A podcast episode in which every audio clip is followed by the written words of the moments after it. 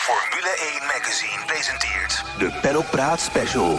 Gesprekken met de hoofdrolspelers uit de vaderlandse racegeschiedenis.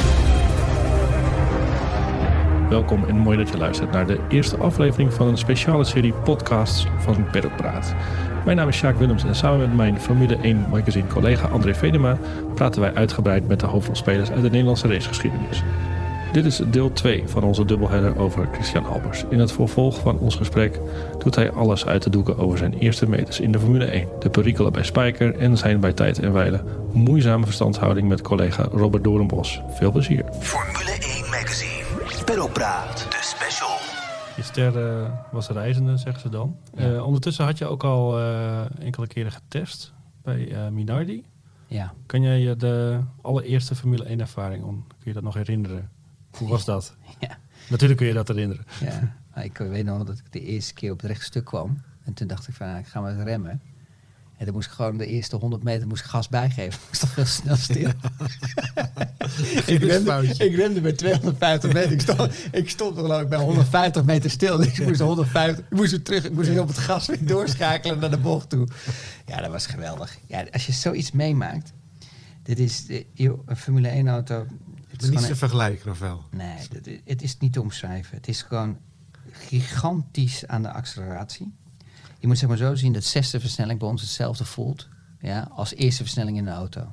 Dat blijft doortrekken. Het blijft dooraccelereren. Het stopt niet. Er is geen limit. Er is geen limiet. En het, en het eigenlijk het meest indrukwekkende is gewoon het downforce. Is dat je gewoon het eerste moment gewoon zo hard op het rempedaal kan trappen dat je gewoon geen wielen kan blokkeren. Ja, dat is, dat is, dat, kan je niet voorstellen. Als je dat, als je bijvoorbeeld, eigenlijk moet je het gevoel, he- het gevoel hebben, weet je wel, en dan, en dan als dan de auto mindert in vaart, hè, dan moet je natuurlijk het gewicht eraf halen, want dan kom je natuurlijk in een zone waar natuurlijk er minder downforce is, er minder lucht. Hè, dus je moet dat doseren. Dus je, je moet niet alleen domme kracht hebben in je linkerbeen, maar je moet natuurlijk ook gewoon eh, in, in, je, in je been ook nog eens de, de, Het doseren. de gevoeligheid hebben. ja. eh, Ja. ja. Maar het is eigenlijk hetzelfde als je nu in de auto stapt en je denkt, weet je wat, laten we eens voor de lol eens even met, eh, met eh, links remmen. Ja. Wat je nog nooit gedaan hebt. Dan kan ik je vertellen, dan kan je gelijk bij de, bij de tandarts een afspraak maken, want het gebiedje zit in het stuur. Dus, dus ja, en toen stapte ik in. Ik, ik weet wel, ik moest elke keer runs doen van vijf ronden. Want ik, ik, mijn, mijn nek, die begaf het gewoon.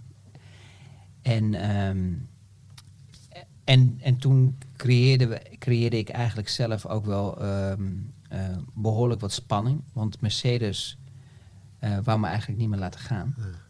En ik merkte intern die spanning. Ehm, en eh, het is heel simpel. Ik, ik was een Nederlander. We- we- weet je, wij zijn gewoon eigenlijk op dat moment zijn we helemaal niks voor Duitsers. Ja, we zijn gewoon een klein landje. Ik had geen sponsoring, ik kreeg geen salaris. En ehm, ik was helemaal niet interessant voor hen. Niet qua markt, maar wel qua talent. En dan heb je toch een bepaalde religie. Dus je, hebt- je, je, je loopt eigenlijk zo'n zo'n zo'n zo'n carrière door met altijd toch wel een beetje... Ja, bang is een verkeerd woord. Maar altijd wel gewoon dat je... Op je hoede. Nou ja, ja, op je hoede. Je hebt een beetje angst, maar je bent ook nog jong, weet je wel. En je laat je gauw overbluffen. Hè? Natuurlijk door, door zo'n groot concern. En eh, zeker Norbert Hauke. hè, eh, ja, dit is niet echt iemand die, is- die dat... ehm, Is het nog steeds een vriend van jou? ja, als ik hem zie, is hij super blij met me. En, ik, en hij heeft me wel de kans gegeven. En daar ben ik hem ook altijd dankbaar voor. Maar het was ook niet iemand waar je tegenin ging. Nee. Terwijl de tijd nu compleet veranderd is. Als je nu ziet de jonge generatie. Ja, die geven gewoon een grote bek op Instagram. En, en ze zijn allemaal bang voor de sponsoren. En de teams gaan gelijk terug. Het is niet meer zoals vroeger van... hé hey joh, gedraag je even, anders heb je een serieus probleem. Dat zie je eigenlijk ook eh, met voetballers. Dat, die, eigenlijk, dat is allemaal veranderd. Dat vind ik wel jammer eigenlijk. De sporters zijn de baas. Ja, en dat zou eigenlijk niet moeten zijn. Want degene die de baas is, is namelijk die gewoon nog steeds aan het eind van de dag gewoon je salaris betaalt. Vind ik. En ik vind dat je daar toch altijd nog steeds respect voor moet hebben. En dat is toch eigenlijk in de jaren wel een beetje vergaan. Ja, en eh, je hebt ook voor Jordan getest in GRS. Ja. Ik uh, dook ook even de archieven in. Er stond nog een hele ent- enthousiaste quote van jou in. eh, het, het regende, maar je kon eh, Nick Heidveld bijhouden in een Mercedes. Een auto die normaal gesproken veel, eh, veel sneller is dan de Jordan. Dat, eh, je was in ieder geval heel erg tevreden met, eh, met, of je dacht in ieder geval heel veel indruk te hebben gemaakt. Weet je wie mijn engineer was? Pieter Bonneton met. Jordan. En die is natuurlijk nu van, Ja. eh, van Lewis Van Hamilton. Lewis Hamilton, ja. Dus daar heb ik eigenlijk mee Get in there, Ja, Christian. super, super eh, aardige kerel. En, en niet alleen aardig, maar gewoon eh, ontzettend slim. Heel goed. Echt een hele goede engineer. Maar wat grappig is eigenlijk daarvoor, wat nooit iemand wist eigenlijk, is dat ik werd eigenlijk met DTM, werd ik eigenlijk door Ron Dennis al uitgenodigd om eh McLaren Formule 1 testcoureur te worden. En ehm, dat zou Norbert Hauk eigenlijk allemaal organiseren voor me, om dat in de planning te doen met DTM. Mercedes was toen motorleverancier van ja, McLaren. motorcyclist. En ehm, ik heb daar eigenlijk alle vertrouwen altijd in gehad in Mercedes dat ze dat correct zouden behandelen. En dat Norbert Hauk dat netjes zou doen. Alleen op een gegeven moment kwam ik op een gala, het, autosport, het eh, befaamde autosport gala. Ik was toen ook in een lijst van de top 20 of zo van beste coureurs in de wereld. En ehm, toen eh, kwam ik Ron Dennis ook tegen. En die, die raakte me aan op de schouder en zegt... Ja, weet je, we vonden je echt een aardige kerel, weet je wel. En ik denk dat je nog steeds een hele aardige kerel... maar ik, we vinden het echt wel onbeschoft dat je nooit gereageerd hebt op ons aanbod. Want we hebben je een voorstel gestuurd en je bent daar nooit op teruggekomen. Dus ik zei tegen Ron Dennis, ja, sorry. Dit was wanneer? Sorry, even. dat was eh, 2004. Oké. 2004. Eh, tw- 2003, sorry. 2000, eind 2003. En dan 2004 in het lopend. Het was eind 2003 in december. Dus voor december, voor het Autosportgala, kreeg ik eigenlijk een... eh, ja, omdat ik een zulke goede resultaat had in DTM. En ehm, toen zei ik, ja, eh, Mr. Dennis, ehm, ja, weet je, ik ben, het spijt me heel erg, maar weet je, zover ik op de hoogte was, zou Norbert Hauk dat met u oppakken. En zouden we daar een, een, schema in maken? Want u weet, mijn, mijn goal is nog steeds Formule 1. Weet je, mijn doel is Formule 1 te gaan rijden en niet DTM te blijven. Ook al ben ik op dit moment de Rising Star en gaat het heel goed. Maar ik ben begonnen mijn carrière om Formule 1 coureur te worden. En niet om DTM coureur te worden. En toen zei hij, ja, wij hebben niks ervan gehoord. En toen, hè, toen ging de, de bel, toen kwam die presentator, dus iedereen moest gaan zitten aan de tafel. En toen begon ik er eigenlijk over na te denken. En toen heb ik eigenlijk besloten nooit meer eigenlijk te overleggen met Mercedes. En toen kreeg ik eigenlijk in principe een aanbod van ehm, eh, in 2004 van eh Sauber, van Peter Sauber. En toen heb ik besloten eigenlijk niet te zeggen tegen Mercedes dat ik een test aangeboden kreeg. Alleen ja, het probleem was dat Peter Sauber dat nog niet in de gaten had. Dus die liep in, in Spa-Francorchamps tegen Norbert Hauk aan. Die zei, je, je weet dat eh, Christian Albers eh, over twee weken Mugello gaan testen. En ik kan me nog herinneren, joh. Ik was in Knok op het strand. En ik werd opgebeld, joh. En ik kan je één ding vertellen. Een boze Norbert Hauk, joh. Kan je vertellen, dan heb Die je geen uit de telefoon, zeg maar. dan heb je dat sowieso. Ik denk dat die golven die gingen gewoon weer terug de zee in. En eh, laten we zo zeggen, dan heb je geen leuk weekend meer, zeg maar. Dus, ik bedoel, het is gewoon niet fijn. En eigenlijk vanaf dat moment is het eigenlijk helemaal niet meer goed gegaan in DTM. In die C-klasse. Tot, nou komt die. Nou, dan moet je vast. Dit is een mooi verhaal. Tot, in één keer natuurlijk alle wintertesten waren bij mij altijd heel goed in één keer ze problemen hadden in Bruno. Dat iedereen buiten de top 10 stond. En toen was er in één keer paniek. En toen, moesten, toen, toen dachten ze van ja, dit gaat niet goed komen. Want er staat gewoon geen één Mercedes meer in de top 10. En toen kwamen ze met z'n allen in mijn auto.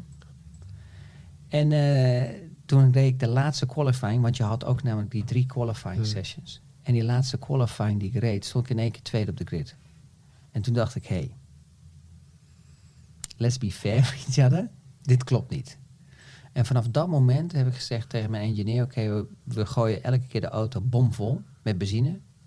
Want we hadden altijd dat we met 25, 30 kilo gingen rijden. Dus ik heb altijd gezegd: oké, we gooien 50 tot 55 kilo erin.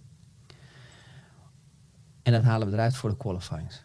En dat was eigenlijk de enige manier dat ik al in 2004 elke keer vooraan stond. Dus ja, dat laat ons zien, dat klopt iets, in ieder geval niet in het management. Ze wouden me in ieder geval afremmen. En toen heb ik in 2004 hebben we afgesproken, toen wouden ze dat ik op kantoor kwam. Toen had ik eigenlijk al getekend met Minardi. En ik heb dat niet gezegd toen. En want ik wist gewoon dat zij ehm, eh, erg gefrustreerd waren over dat ik continu nog steeds mijn doel was om in de Formule 1 te komen. En toen wist ik het nog toen moest ik in Stuttgart komen in het Mercedes-Benz gebouw, de motorsportafdeling zit op de allerbovenste verdieping. En dan moet je dan zitten, weet je, dan laat ze je gewoon echt gewoon drie kwartier zitten. Gewoon eventjes, gewoon even die Vier boardroom. Ze laten je gewoon even lekker even rustig zitten daar. En ik, zat met, ik had mijn broer meegenomen. Eh, die reed soms wel eh, met me mee naar circuits en zo. En eh, dan ging hij weer terug naar Amerika. En dus ik zat daar, we zaten daar drie kwartier te wachten. En op een gegeven moment, ik kan het me nog herinneren, als je dan zo lang moet wachten, maar je bent ook een beetje nerveus, krijg je slappe lachen. Dat is echt heel verschrikkelijk. Elke keer moet je lachen om de stomste dingen. En in één keer gaat die deur, die zwaait open en hij komt binnenlopen met, met Ungar. Of met Mat, nee, sorry, Matthijs. Gerard Matthijs, ja. En eh, Jurgen Matthijs komt binnen, Norbert Houw kwam binnen en Wolfgang Schattling. En die gaan alle drie voor me zitten. En zeggen, joh, weet je, dit gaat niet werken. Zeiden ze, we gaan je in een oude auto stoppen. En toen zei ik, weet je wat? Laten we elkaar allemaal een hand geven. En laten we ook eh, gewoon afscheid van elkaar nemen. Want eh, ehm, ik vind niet eerlijk waar de frustratie vandaan komt. Want ik vind nog steeds dat ik goed presteer. En ik heb het gevoel dat ik gewoon een heel jaar afgeremd ben. Want het kan niet zo zijn dat je gewoon in één keer de laatste ronde... dat er drie man in mijn auto springen met laptops en de hele mikmak. En dat ik in één keer van play- P12 in één keer P2 sta. Ja, en alle andere coureurs zoals Sean Lacey, Bernd Schneider, Gary Pavitt, allemaal boven de 10 stonden. Ik was de enige Mercedes die gewoon in de, in de top 10 stond en ook nog tweede. Ik zei, eh, dus ik heb daar geen goed gevoel meer over. En ik denk dat onze wegen scheiden. En ik, ik ben jullie ontzettend dankbaar voor eh, al die jaren die jullie me gegeven hebben. En, ehm, en laten we hier eh, afscheid van elkaar nemen. Toen zei Norbert, ja, is oké. want ze dachten eigenlijk dat ik blufte. En toen hebben we Maar je had al een contract in je zak. ja, en toen hebben ze we smiddags hebben, want ik had een, ik had een, namelijk een zeer lang lopen, ik had een acht jaar contract bij Mercedes. Dat was, ik was de enige coureur met zo'n lang lopig contract. Dat had ik getekend in 2003. Dus ik zou eigenlijk eh, tot, tot na 2010 nog steeds onder contract staan. Ehm, en toen eh, eigenlijk de volgende dag hebben we met Minardi aangekondigd dat ik Formule 1 zou gaan rijden. En ehm, ja, daar, daar heb ik eigenlijk een, een super mooi team eh, om me heen kunnen te creëren toen de tijd. Hè, met uh, Lodewijk Verrossio, eh, met Michiel Mol. Michiel, ja, die gewoon wel echt serieus weet je, zijn commitment afgegeven. Mm. En daarnaast ook eh, Peter Jan Rubing en, en, zelfs mijn schoonvader, maar ook andere mensen die gewoon echt gewoon wel het risico hebben genomen om dat eerste budget eh, die commitment af te geven aan een Formule 1 team. En die hebben we later gewoon succesvol met allemaal sponsorship ingevuld. Dus in principe hebben we eigenlijk ja, voor, voor, voor, niks, voor niks gereden in Formule 1. En, en, en heb ik gewoon altijd gewoon een salaris verdiend. Maar en toen moet je ook eerlijk zeggen dat Norbert Hauk me ook gewoon die dag daarna opgebeld had. En me gefeliciteerd heb en zei dat we snel eh, een drankje moesten doen eh, in een motorhome. En eh, daar heeft zich ook aan gehouden. Want Wolfgang had ook gevraagd of wanneer ik kon komen. En na de tweede race of zo, in Maleisië geloof ik uit mijn hoofd. Ze gunden je ook in, alweer. Sorry, in Ja. Melbourne. Ja, toen, toen hadden we afgesproken en eh zei succes en dit en dat. Ja.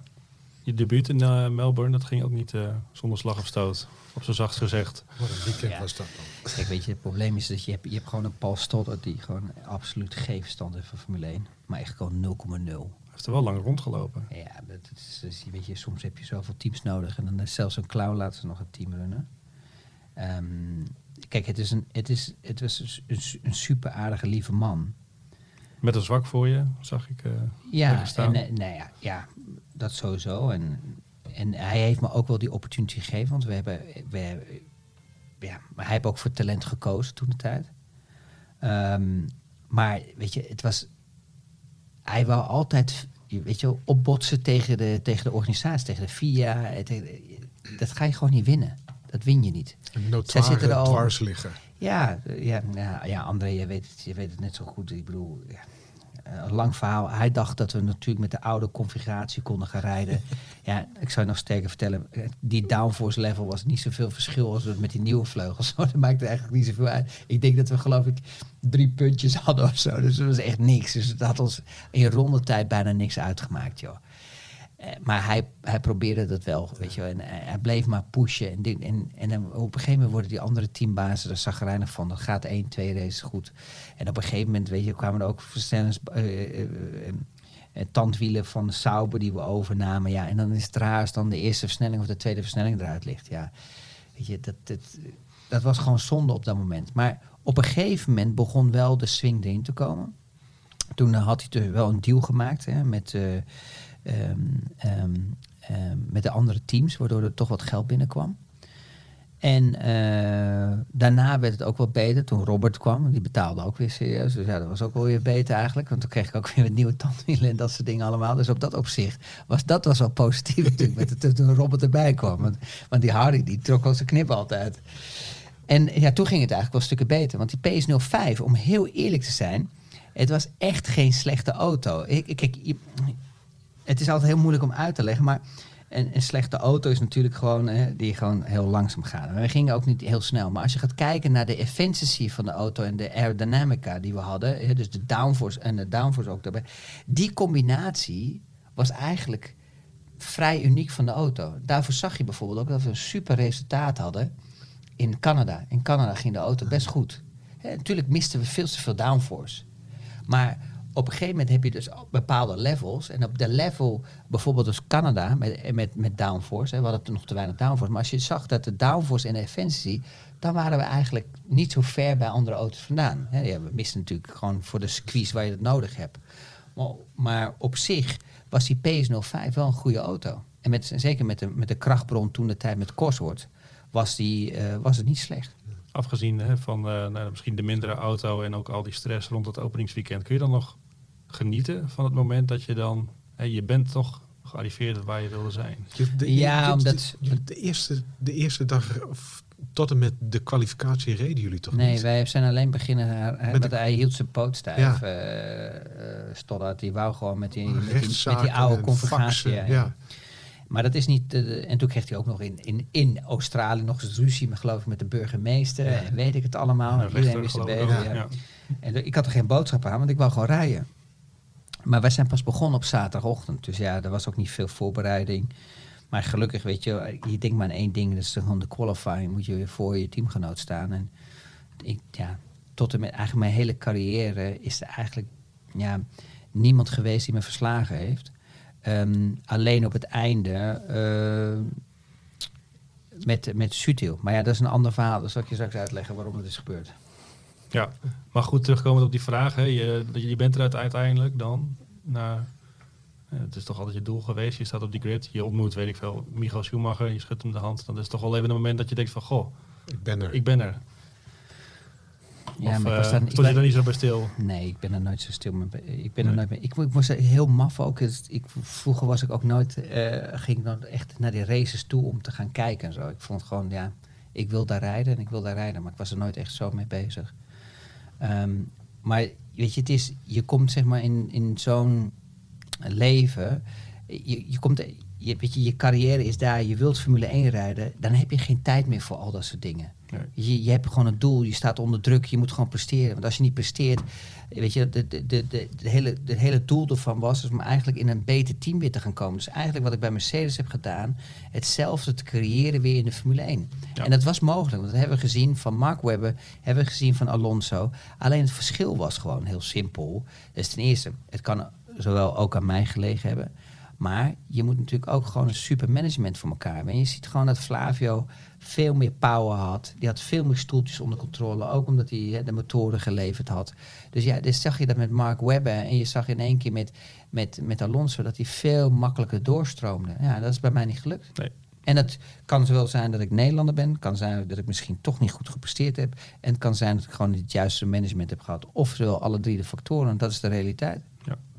Je, was wel, eh, je hebt wel zeg maar, een hoofdrol gespeeld in misschien wel de mafste Formule 1 race in de geschiedenis.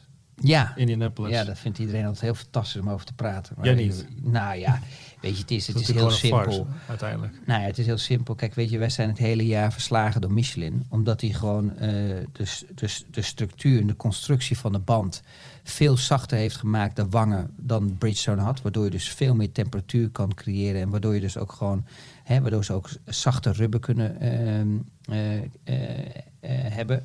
Om, en dus heb je dus ook snellere rondetijden. En dan kom je op een, circuit waar eigenlijk die banden zwaarder te verduren krijgt. Maar die banden die horen nog steeds in het reglement gewoon te performen. Ja, en die performen niet, die falen. En dan, en dan vindt iedereen het raar dat wij, dat wij van start gaan. Ja, dat is helemaal niet raar. Wij krijgen gewoon het hele jaar op ons sodomieten van Bridgestone. Omdat die over die edge gaan. Want ze gaan er overheen. Want anders hadden ze het uitgehouden, toch? En dan was er geen probleem geweest. En, ehm, En dan, dan krijgen ze de deksel op de neus. En dan moeten wij, en dan moeten wij maar met z'n allen moeten we gaan stoppen. Moeten we geen race rijden. Ja, dat is natuurlijk gewoon niet de realiteit. Ik bedoel, kijk, als, op- als op een gegeven moment één Formule 1 team of twee Formule 1 teams motorenproblemen hebben, wil dat zeggen dat die andere 16 ook moeten, eh, dat die niet mogen rijden het weekend, omdat het niet leuk is en niet eerlijk is? Kon jij blij zijn met die punten? Ik was heel blij. Ik zou je vertellen, bonus het was de ik heb nog nooit zo'n verschrikkelijke race in mijn leven meegemaakt. Nee. Ik had een tweede versnelling die het weer niet deed. Ik, ik had maar één goal. Kan je je voorstellen als Patrick Vriesager voor mij geëindigd was? Een hele jaar had hij dus een beter resultaat gehad als mij. Dus je moet zeg maar zo zien, je zit niet in die auto eigenlijk alleen maar als een race, maar je weet dat als je dus niet voor hem eindigt, dat hij altijd één punt meer heeft als mij. En er was ook nog eens een keer, daar heb ik het ook met André over gehad. In mijn tijd was het ook anders. Want weet je, alleen de eerste zes auto's, Zes, ja. Die kregen No punten. way dat je ooit nog punten ging Nee, ik bedoel, ik ik bedoel, dat was eh, nu met de eerste tien, weet je wel. Dat was gewoon eh heaven weet je. Dan had je nog een keer af en toe Kans. kans, weet je wel. En dat was in mijn tijd niet. Ja, met een Minardi 60 hoor, kan je vertellen dat... eh dat is echt een wonder. En eh acht races voor het einde. Je zei het net al, Robert Doornbos, die kwam erbij. Ik weet even niet meer waarom Vriesacher eruit ging. Nee, die, die, die betalen niet meer. die betaalde niet meer. En toen kwam, Robert, toen kwam Robert Doornbos eh, in, Ja. in, in het team. Toen sloeg de stemming eh, nou ja, om. Nou ja, de realiteit, dat heb ik, ik, heb- ik heb dat meerdere, meerdere, ja, meerdere malen verteld ook. Het is heel simpel. Kijk, ik, was, ik, ben, ik, ik vond en ik vind nog steeds dat ik puur zang sporter ben. En een puur zang sporter, die geeft alles voor zijn sport. En die, en die zorgt gewoon dat hij het maximale uit zijn materiaal haalt. En bij Robert, eh, toen hij in het team kwam, eh, het is heel simpel. Als we klaar waren met eh, testen of met een vrije training, toen liep ik naar de, naar de motorhome en ik zat met de engineers, zaten we de auto verder te ontwikkelen en het maximale uit een auto te halen. En Robert die was nooit aanwezig, want die vond het belangrijk om met journalisten te praten. En dat is een goed recht, hè? Ik bedoel, want hij, hij heeft serieus betaald voor zijn stoeltje en hij mag doen wat hij wilt. En het is, het is zijn leven en het is zijn, zijn carrière, niet de mijne. Maar hij was daar meer geïnteresseerd in.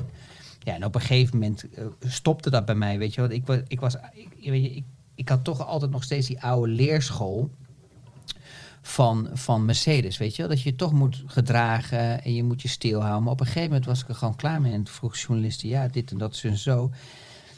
Ja, en ik vond, ik vond het op een gegeven moment ook niet meer eerlijk. Want op een gegeven moment werd er altijd 5 voor 12. Als de qualifying kwam, werd mijn eh, setup gekopieerd. En die kwam op Robert's auto, weet je wel. En ik, ten eerste denk ik, ja, weet je, iedereen heeft zijn eigen rijstijl. Dus die moet je sowieso, hè, je moet sowieso de, de, de, de, de, de afstelling hè, naar je eigen rijstijl zetten. Dus ik begrijp sowieso niet waarom ze dat deden, maar oké, zwaar. En de tweede eh, is daarbij, is natuurlijk niet eerlijk als je natuurlijk alleen maar elke dag naar mee bezig bent en je wilt gewoon een maximaal uit een auto houden, dat gewoon de ander niet meedoet. En dat was de frustratie. Je moet met z'n tweeën moet je een auto verder ontwikkelen en dan krijg je een qualifying strijd. Maar als één iemand alleen maar aan het werk is om de beste setup te krijgen, ja, dan begint de irritatie te komen. En dat is ook eigenlijk ook gewoon beaamd ook door hè, de hoofdengineers, iedereen die er zijn. En op een gegeven moment werd het later de kop ingedrukt, omdat eh, eh, Harry Muurmans naar eh, Paul Stoddert liep en zei, ja, dat kunnen we niet maken. Ja, kunnen we niet maken, het is de realiteit. Het was een leuk weekend, het eerste weekend in, in Duitsland. Toen jullie allebei op een voorband van de auto moesten gaan zitten voor de fotografen. De Double Dutch. Eindelijk was die daar. Ja, maar ja, kijk, weet je, Met een geforceerde hand. Je weet het nog wel, hè? Ja, maar omdat, omdat, weet je, het begon ook anders. Hè? Ik bedoel, deze. Kijk, wat jullie natuurlijk, wat er nooit. Dat, achter schermen is natuurlijk altijd anders. Als dat natuurlijk altijd is journalistiek, altijd een verhalen schrijven. Het is altijd natuurlijk positief en het is altijd eh, fantastisch, want iedereen probeert zo goed mogelijk alles te managen. Maar eh, kijk, Robert had natuurlijk al gewoon een heel jaar achter de rug. Die had, eh, ik geloof, 3 miljoen euro betaald om alleen maar al die testen te doen op vrijdag. Dus met alle redelijkheid. Zelfs, weet je hoe ik mijn superlicentie heb gekregen? Ik heb in de sneeuw gereden in Italië in de Formule 1 auto. Dus ik kwam uit de DTM.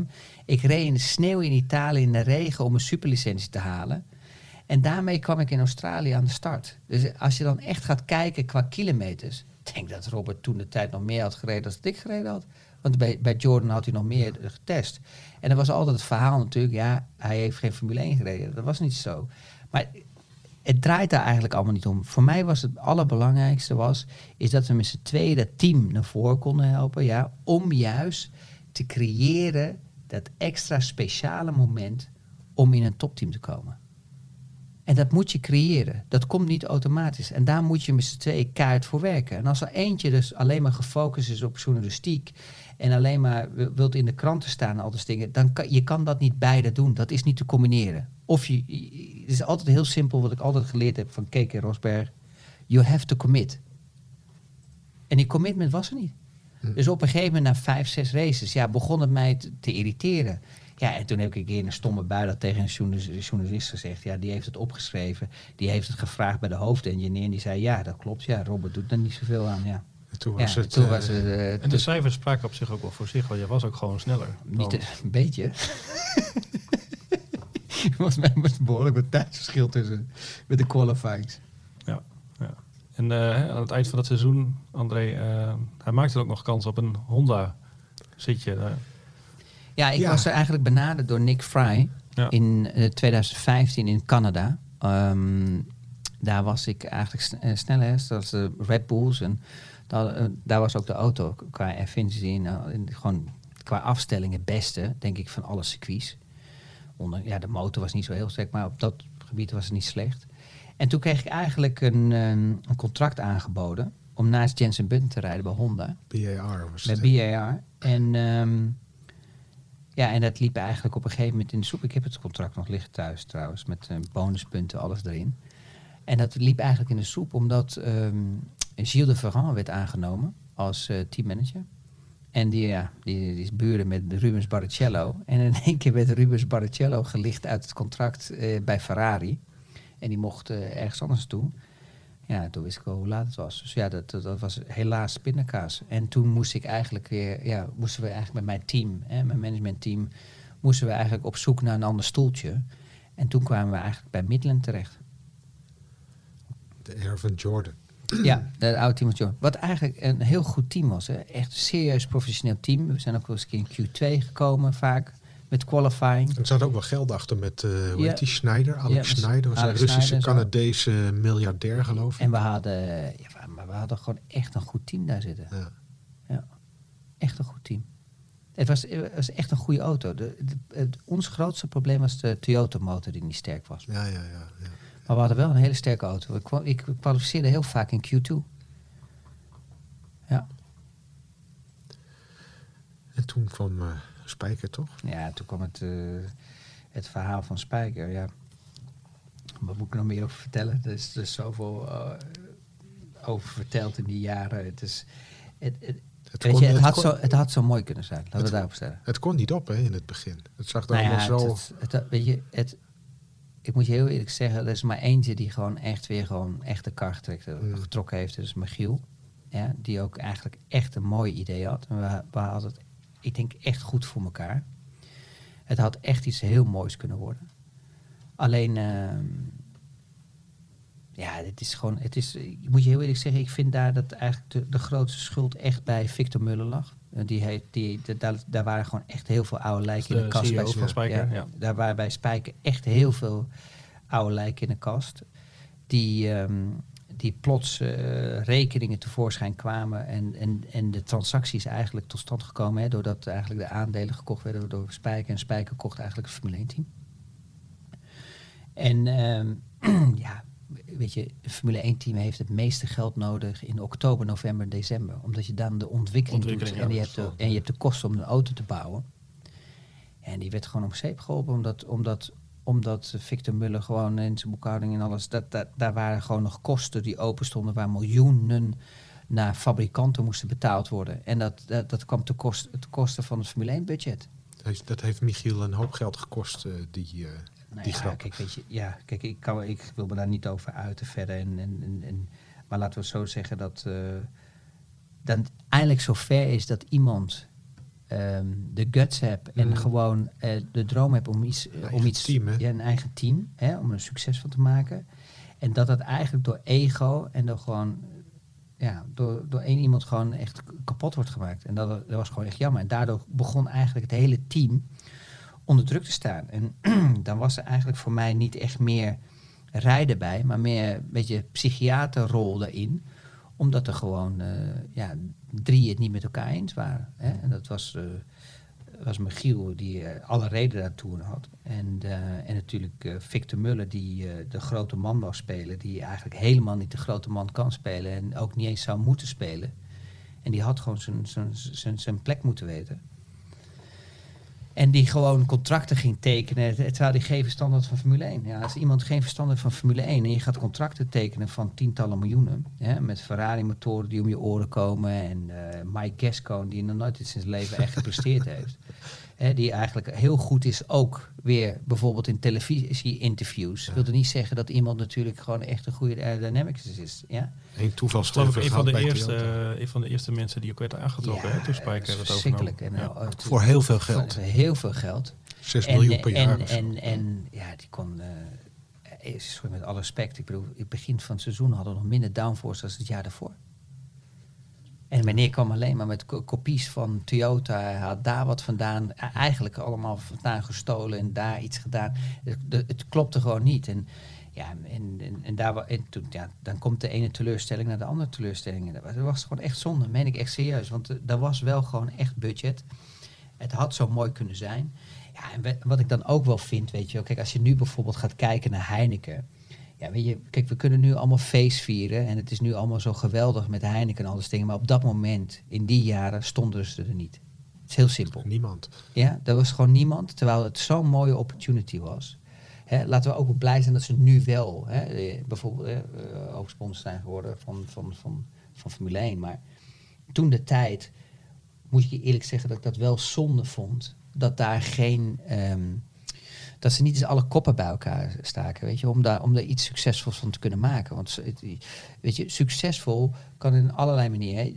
Er wordt niet verwacht dat je gelijk in de top drie meerijdt. Hè? Want je kan niet zomaar vechten tegen een budget van Ferrari of Mercedes. eh, of, of die grote man of Red Bull. Dat, moet- dat moet gebouwd worden. Hè? Daar moet je aan bouwen en dat, dat duurt heel lang. Hun waren er ook niet in dag één. Kijk hoe Red Bull is begonnen. Ja. Het heeft ook jaren Mercedes geduurd. ook natuurlijk. Ja. Precies hetzelfde, ja.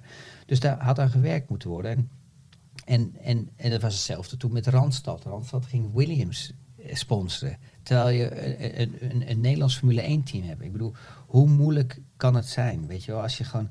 Ja, Ja, maar als je, als. CEO bent van... eh, als je CEO bent van een company en je bent een multinational en je, en je bent van Or- Orangina ben je Nederlands. Ik bedoel, het laat maar zien dat ze gewoon totaal niks te zeggen hebben. Dat alles internationaal wordt beslist. beslist. Ik bedoel, eh, waar zijn we mee bezig? Dat is met? Heineken net zo natuurlijk. Ja, dat. Heineken in de Formule 1 is gestapt, dat is... Heineken Nederland heeft er niks mee te maken. Dat is allemaal Heineken Nee, maar ze lopen wel voorop. Maar eh, ja, weet je, ik kan me gewoon niet voorstellen. Maar dat is voor mij sowieso, als entrepreneur, is dat gewoon sowieso moeilijk te begrijpen, denk ik, hoe dat in multinationals werkt. En blijkbaar moet iedereen het afvinken. En blijkbaar eh, willen ze allemaal niet hun handen branden. Maar het is natuurlijk gewoon echt, als je erover nadenkt, het is gewoon echt schandalig. Het is echt schandalig. Ik vond, het- moet ik eerlijk zeggen, ik vond het echt zonde. Dat daar nooit hulp bij is gekomen bij die mensen. Ja, en toen op een gegeven moment is het heel simpel. Ik wil, bij ik wil eigenlijk vragen, is, jou, eh, is het heel kort door de bocht om te zeggen dat jouw carrière getekend is door nou ja, commerciële spelletjes en gekronkel? Nee, nee, absoluut niet. Maar wel, wel bij, bij Spijker is natuurlijk vanaf het begin fout eh, eh, gelopen. Kijk, die Mike Gasco, daar kon ik echt niet mee door de deur. Want die, kijk, dat ging al gelijk fout nadat gewoon de eerste keer die... Kijk, het probleem was, ik, ik ben, weet je, zo puur zo'n sportman. En ik liep daar echt elke dag bijna op die fabriek. En ik sliep daar echt gewoon in zo'n zo'n klein kamertje. En ehm, ja, het was verschrikkelijk. Want ik zag gewoon al die nummers van de, van van de windtunnel. En die, die, auto die was, gewoon, die was gewoon nog slechter als het jaar daarvoor. Dus ik liep naar Colin toe en ik liep naar Michiel. Ik zeg, joh, luister die kerel moet je eruit. Bonjour, dat gaat niet goed komen. Dit komt niet goed. Ten eerste loopt hij rond. Hij komt te laat aan. Hij doet alcohol in zijn, in zijn, in zijn bekertje waar zogenaamd koffie in zit. Dus je zuipt de hele dag door. Ik zeg, de derde, we zijn met de nummers gewoon zo ver van aerodynamic af. Die auto die gaat straks voor geen meter. En toen het maffe ervan was, hij had nog geluk ook nog dat we dus motor wisselden. Want die Ferrari motor die was alleen al op Silverstone één seconde sneller dan die Toyota. En het jaar daarvoor, toen stonden we af en toe in Q2. Dus ik kan me voorstellen, als we dus een Ferrari motor hadden gehad, dan hadden we dus gewoon echt wel een beetje in, in die top 10 misschien kunnen komen. Of tegen de 10 aan. Dat was helemaal niet zo gek geweest. Ja, en op een gegeven moment eh, zei ik van, dit, dit gaat niet goed. En, en op een gegeven moment kwam Colin ook continu in stand. Maar ja, er was een contract getekend. En Colin iedereen- is, sorry? Colin Collins, Ja. dat was toen de teammanager. Oké. Ja, en toen op een gegeven moment, eh, toen gingen we de wintertest doen. Dat ging heel goed. Toen was ik sneller als Adrian Sutil. En ik kom bij de eerste race aan. En overal waar ik remde, joh. Het leek wel of het gas erop bleef staan. Ik begreep er helemaal niks van. En na drie, vier races werd me dus verteld wat het geval was met een Formule 1 auto. Je hebt daar sens, je hebt, je hebt zeg maar een soort een, een, anti-braking system. Dus, een, zeg maar, dus dat, als de wielen blokkeren, geeft hij automatisch gas bij. Want als je wielen blokkeren achter, dan ga je als een soort kart ga je slijden of dan, dan glij je er gelijk af, omdat een, Formule 1 auto heel wendbaar is. Maar je hebt twee systemen. Je hebt een systeem dat op de achterwielen een sensor zit. Ja, en je hebt een systeem dat op het rempedaal zit. Dus ik heb altijd gereden met een systeem waar de sensor op de achterwielen zit. Dus als hij merkt dat hij blokkeert, gaat hij, gas, gaat hij engine braking aan. Dus zeg maar engine, braking. En die geeft gas bij. Dus die zorgt dat die auto recht blijft. Hè? Dus dat hij gas bij, eh, blijft geven, dat je dus recht kan remmen. Maar het probleem is, ik rem als een coureur zijnde, heb ik in DTM geleerd. En of dat nou goed is of niet goed is, maar dat is mijn rijstijl. Als een soort ABS. Dus dat betekent dat ik pompend rem. Dus ik rem eerst vol en dan ga ik met gevoel, kijk ik waar de grip is, links, dat voel ik, dat zit in mijn lichaam. Ik weet ook niet waarom, maar het zit eenmaal in De mijn driehoek kont. toch? Dat je, Ja, ik, Voel, ik voel gewoon, ik rem als een soort ABS. Maar wat was nou het probleem? Ze hadden dus, Mike Hexagon had dus die sensors veranderd. In plaats van op de achterwielen dat die anti-engine braking aanstaat, dat hij gewoon zelf dan gas bijgeeft. Want hij, hij meet dat direct aan de, aan de achterwielen. Had hij het op het gaspedaal, of op- sorry, op het rempedaal gedaan. Dus, bete- dus als ik remde, dan ging hij dus. Dus bleef die gas bij staan. En dat heb je dus bijvoorbeeld gezien als je de eerste keer kijkt, bijvoorbeeld Australië, waar ik rechtdoor ging. Ja, en daar lachte iedereen om. Maar, maar als je dus echt weet wat erachter zit, dan bleef dus gewoon het, ga- Het gas bleef erop. het gas bleef gewoon soms erop staan, omdat, ik, omdat hij niet, eh, de sensor kon niet kalibreren. Die wist niet hoeveel ik nou precies remde, want dan kon hij zich beter aanzetten. En dat is pas na, na race nummer 4, heeft gelukkig mijn engineer, of 5, heeft dus de- die oude sensors in de fabriek eh, weer opgesnord. En die hebben we erop gedaan. En toen zag je in één keer dat ik weer voor Cito stond.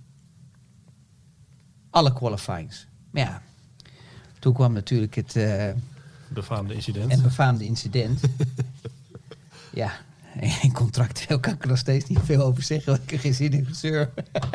Ja, want je bent, hè, eh, jullie hebben een, eh, hoe zeg je dat? Nou, we zo zeggen, ik ga, ik ga, ja. ja. ik ga, laten we zo zeggen dat ik niet zomaar wegrijd natuurlijk. Nee. Denk ik. Ik weet het niet, maar denk ik. Maar ja, weet je, kijk, het probleem, ja, ja, het is, het Hoe is vaak heb je natuurlijk het al- altijd, het is, je teruggekeken? Nou ja, weet je, het is eh, gewoon soms wel vervelend voor de buitenwereld, omdat, Ja. omdat iedereen gewoon denkt dat je gewoon eh, als een idioot weg bent gereden. Maar ja, weet je, kijk, je hebt gewoon een contract en, en je moet je aan je contractverplichtingen voldoen. En daar staat gewoon duidelijk in dat je, dat je gewoon niet negatief mag uitlaten over een Formule 1 team. Dus Stond, ja, er dat zijn terecht? twee. Stond dat terecht? Ja, natuurlijk staat in elk, in elk contract. Dus eh, ja, en dan is het heel simpel. Dan is het of je staat op de straat met niks, omdat je zo, omdat je zo de behoefte hebt om je eigen ego op te strijken, om te vertellen wat er gebeurd is. Of je, ja, je accepteert het. En je kan zorgen gewoon dat, eh, dat de hypotheek doorbetaalt en dat, je, en dat je gewoon weer verder kan. Dus dat, dat, dat, is, dat is het keiharde in de wereld. En dat, zo zie je dat het in één keer van een succesverhaal ook om kan draaien natuurlijk in iets negatiefs. Maar het was niet jouw schuld. Nou ja, dat zeg ik niet. Nou ja, ja dan moet je zelf maar uitmaken uit de woorden. Laten we zo zeggen. Laten we zo zeggen dat ik het... Maar ja, als je dan ook terug gaat kijken... hoeveel... Dat is typisch ook weer iets Nederlands. En, eh, Het blijft ja, letterlijk aan je kleven. nou ja, ja, maar ik moet Ja. je heel eerlijk zeggen, ik lig echt niet wakker Nee. van. En, en aan de ene kant, het was heel vervelend, dus dan Mhm. kan je wel zeggen dat je er wakker van ligt. Maar aan de andere kant denk je van ja, het was nou eenmaal zo. Maar als je gaat kijken bijvoorbeeld Kimi, of je kijkt naar Massa, of je kijkt naar Hamilton. Ik bedoel, eh, Massa, eh, die nam de hele car mee. Ja, eh, Kimi nam ook gewoon, weet ik veel wat allemaal mee. Weet je, reed de hele car erachteraan door de piste. Maar dat zie je niet. Maar dat is typisch iets Nederlands. Weet je, bij mij blijft een slang aan hangen. Nou, ik kan je één ding vertellen. Een Formule 1 auto zit binnen 2,1 seconden op de 100 km per uur. Dus je moet zeg maar zo zien dat je ongeveer een halve ja, seconde, of zeg maar twee tiende van een seconde laat je je koppeling los. Hè, dat, is, dat, kan je, joh, dat, is, dit is, dat is nog sneller als dit. Hè? Moet je opzetten. Dan moet je nagaan dat als je dan dus op het moment weer op de rem moet trappen, dat je dus eigenlijk voor het moment dat je op de rem trapt, zit je al op 80, 90 km per uur. Het is nou niet zo of zo dat je denkt van nou, Weet je wel, je hebt alle tijd om dat eens even rustig aan te gaan bekijken. En dat, dat was gewoon niet het geval. Het was gewoon het geval, ik werd op de grond gesodemieterd. En het was gewoon go. En dan kijk je niet meer. En dan, dan heb je niet meer van welke borden er wel of niet staan. Of wat, weet je, dan is elke beweging is go. Als je go is het go. Je voelt ook niet dat zo'n ding achter uh, nog aan die auto hangt? Nee, natuurlijk niet. Je, hebt, je, je hebt 900 pk. 900 pk. En je, hebt, en je hebt een koppeling aan het stuur. En, en die laat je gaan. En, en, je hebt gewoon de elektronische systemen die zorgen dat je traction control, dat je zo min mogelijk wielspin hebt. En je wordt gewoon afgeschoten. Het is gewoon een raket. Dat is natuurlijk ook iets wat ik zou je sterk vertellen, je kan gewoon de hele pitstraat, iedereen kan je meenemen. Daar voel je nog niks van. Dus op een gegeven moment vertelde ze me ook, ja, je, je slang hangt eraan. Dus ja, je moet hem aan de kant zetten. Het liefst had ik gewoon weer teruggereden en dan gewoon weer doorgereden.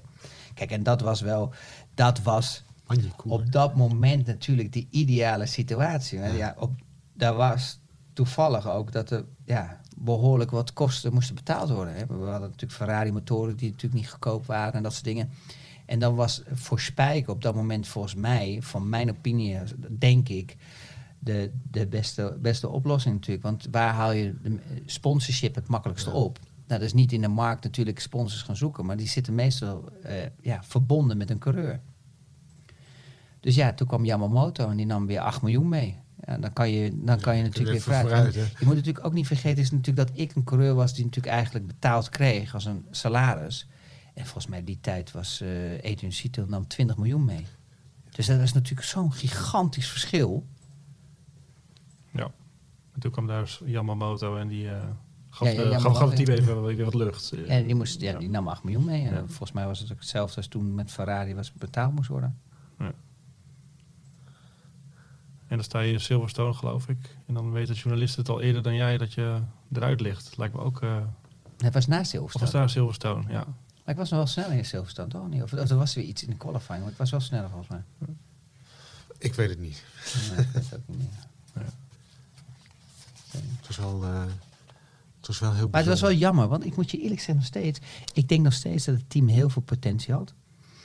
Ik denk dat Michiel daar ook een mooie rol had kunnen vinden. Hij is nu ook super succesvol in Nederland en, uh, en, en, doet mooie investeringen. Michiel is echt gewoon, uh, weet je, risk investor. Ik vind het wel, ik vind het wel echt een beetje ballen tonen, vind ik stoer. sommigen hebben wel eens commentaar over, maar hij doet het wel. Um, maar weet je, hij, hij, had wel een mooie rol kunnen hebben daar. En dat is, en dat is eigenlijk allemaal om zweep geholpen door gewoon echt nonsens. Echt nonsens. En dat is wel gewoon echt jammer. Want anders hadden we gewoon tot de dag van vandaag. En dat, het is ook zo stom geweest van Victor Mullen, met alle respect. Want het was zo'n mooi platform, ook voor Spijker. Weet je, om, om dat merk weer te lanceren, om weer de bekendheid eraan te geven. Om gewoon een succesvolle autofabrikant te worden. Je hoeft niet veel auto's te fabriceren om, om profitable te zijn, om, om winst te, te genereren. Want het waren speciale auto's. Het was een niche markt, het was iets, iets aparts. En hey, ik wat mooie platform kan je hebben als, uh, als, als, uh, als een Formule 1 team.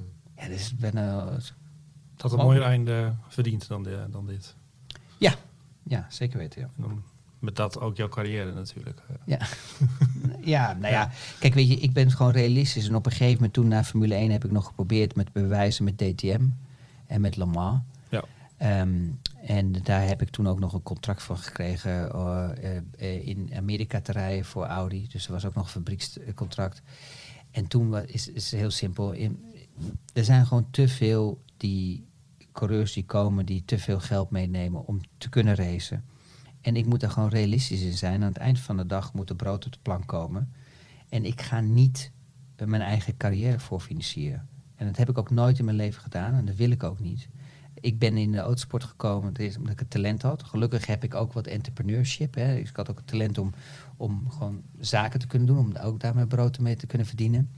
Maar ik ga niet geld investeren om te kunnen racen. Want ik heb op het hoogste niveau gereden. Dus ik heb daar, eh, ik, ik heb daar helemaal geen behoefte van. Als ik stoer wil doen en ik ga op de rotonde staan en laat mijn broek zakken, dan vindt ook iedereen, vindt iedereen me ook heel gaaf. Gaat ze ook allemaal toeteren, zwaaien naar me.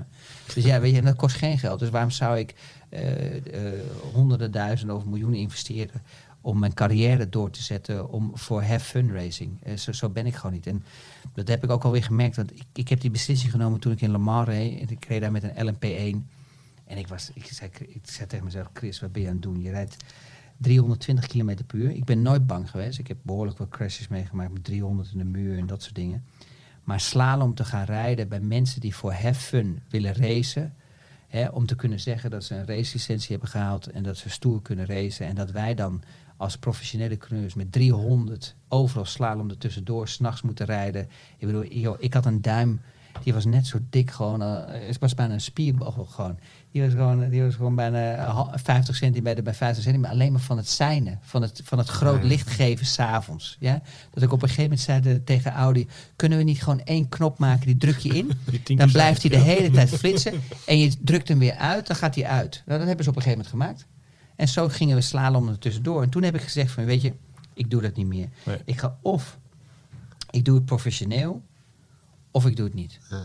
En toen was het de beslissing ook gewoon snel gemaakt. Ja, die was eigenlijk best wel snel. En op een gegeven moment, het geluk kwam daarbij dat eh, de entrepreneursite meer succesvol werd als, eh als racen. Want het, eh, nou ja, je, je bestaan in de Formule 1 heeft toch ook wel je een netwerk gecreëerd waar je eh, nog steeds van profiteert. Waar ik nog steeds van profiteer. Al, al moet ik je eerlijk zeggen, zoals je al merkt, kijk, dit soort dingen doe ik niet zo vaak meer. Ehm, ehm, omdat ik, ik was nooit eh publiciteit gehaald. Ik, ik zag er helemaal niks in. Want mijn visie was altijd, met presteren is het enige, ja, met prestatie is het enige de mogelijkheid om door te kunnen breken. En zeker als je dat ziet, de carrière van mij van Mercedes, hè, dat ik doorgestoten ben naar fabrieksteam, dat was eigenlijk hetzelfde concept om door te stoten in de Formule 1. En, en daar, eh, door die mogelijkheden met Mercedes kon ik een reclamebureau opstarten en konden we sponsoring zoeken om in de Formule 1 ook succesvol te worden. Alleen die stap is er jammer genoeg niet geweest. En die, die mogelijkheid was er wel. Want ik bedoel, als Rubens Barrichello niet was geweest, hè, dan was ik naast Jensen Button, had ik misschien een hele andere carrière gehad. Maar ja, dat is wat, wat, wat. Wat weet je, als, als ja. de hemel valt, zijn we, Goed, heel erg bedankt voor, eh, voor dit we, zijn we lekker lang bezig zijn lekker geweest. lang Ik zie bezig gewoon geweest, 1 ja. uur en 30 minuten. Jij moet een partijtje knippen, zeg. Ongelooflijk, zeg. Hoe ga je dat dan in godsnaam doen? Aan de luisteraar, bedankt voor het luisteren naar uiteindelijk, nou, laten we zeggen een uur. En ik heb nog niet eens alles verteld, joh. We kunnen nog even terug. We Dank je willen wel. allemaal naar huis hier zo. Zitten allemaal vriendinnen die allemaal klaar. We willen naar huis. Hey, het is nu zo laat geworden dat er geen file meer is. Dat is wel relax. Zo is het. Pas maar op. Dankjewel. Dankjewel. Dit was de Pedal Praat Special. Deze podcast van Formule 1 Magazine is geproduceerd door Hassan El Maroudi van podcastservices.nl, Jonathan Leij en Almar Uilenbroek. Een speciaal woord van dank naar Hans van der Klis voor diens boek Dwars door de Tarselbocht. Tot volgende week.